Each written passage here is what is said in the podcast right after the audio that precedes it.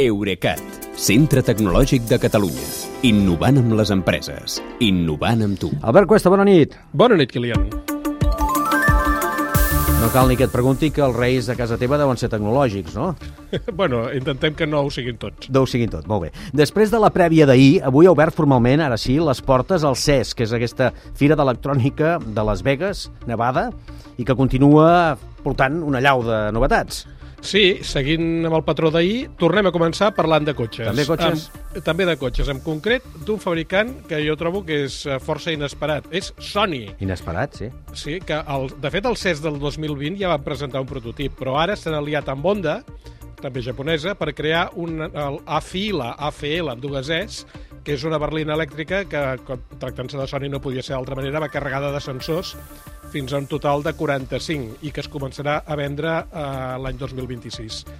Eh, sense deixar de parlar de sensors, l'empresa Harman ha presentat un sistema que fa servir el rellotge Galaxy Watch de la seva matriu Samsung i una, càmera, i una càmera dins del cotxe per detectar si el conductor està cansat o estressat i recomanar-li que s'aturi.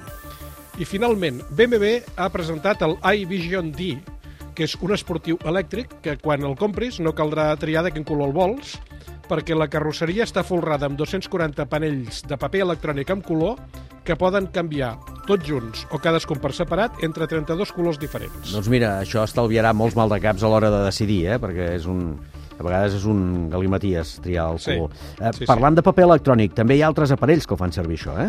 Sí, la marca Lenovo no només té l'ordinador portàtil, a veure si ho sé dir, ThinkBook Plus Twist, que té doble pantalla, una que és una OLED convencional i una altra de tinta electrònica amb, també amb color. Doncs la mateixa marca ha presentat a Las Vegas el anomenat Smart Paper, que és una tauleta de 10,3 polzades que no només serveix per llegir llibres digitals, sinó també per agafar notes amb el llapis tàctil que porta incorporat. Al CES també es posen de llarg els nous processadors. Sí, han tingut Qualcomm promocionant la seva plataforma de xips per cotxes, però sobretot Intel, que es vol treure l'espina d'anar sempre per darrere d'Apple en prestacions, i per això ha presentat una gamma de processadors amb 24 nuclis, que és la xifra màxima que s'ha vist mai fins ara amb xips, amb xips per consum, per ordinadors. Eh, Intel diu que són un 20 i tants per cent més ràpid que els processadors dels MacBook d'Apple, però avui el seu rival AMD li ha espatllat la festa presentant també processadors per portàtil que encara són més ràpids. Diuen que un 34% més que els d'Apple en algunes operacions. I en televisors, Samsung i LG es trepitgen un a l'altre, eh? Sí, com és habitual. Uh, aquest any, uh, per una banda, Samsung ha irromput amb, amb el territori tradicional de l'EG i diu i ha tret televisors de tecnologia OLED i assegurant que són encara més, lumino, més lluminosos que el dels, els dels seus compatriotes i rivals. I en sentit contrari, LG ha presentat televisors que separen la pantalla de l'electrònica i la posen aquesta, amb tot també tots els connectors, en un mòdul independent que es pot posar fins a 10 metres de distància de, de la pantalla, però que de fet és una cosa que Samsung ja porta, jo diria que 3 o 4 anys fent amb el One Connect dels seus models de, de gamma més alta. De tota manera, potser el televisor més curiós del CES és el d'una marca que es diu Displays, que funciona sense cap fil. Per una banda, no cal connectar-lo a la xarxa perquè rep el contingut 4K per Wi-Fi. I per altra, tampoc cal enllollar-lo a la corrent perquè la pantalla de 55 polzades i 9 quilos de pes porta 4 bateries carregables que li donen una autonomia d'un mes. Per tant, el pots despenjar i despenjar de la paret com si fos un quadre i endur-te'l a una altra habitació. Això sí, costarà uns 2.300 euros. Ara, Albert, els aparells més estranys del CES 2023. Sí, eh, cada any costa més decidir quins són els més estranys, però deixem que n'he triat dos.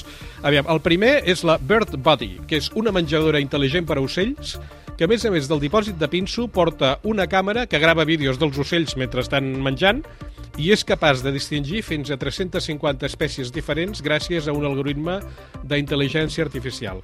I a més, quan enxampa un que, que li havies dit que t'interessava molt, t'avisa amb una alerta al mòbil. Està bé. Però eh, jo encara trobo més peculiar el nou piano digital amb què la marca japonesa Roland celebra el seu cinquantenari d'existència.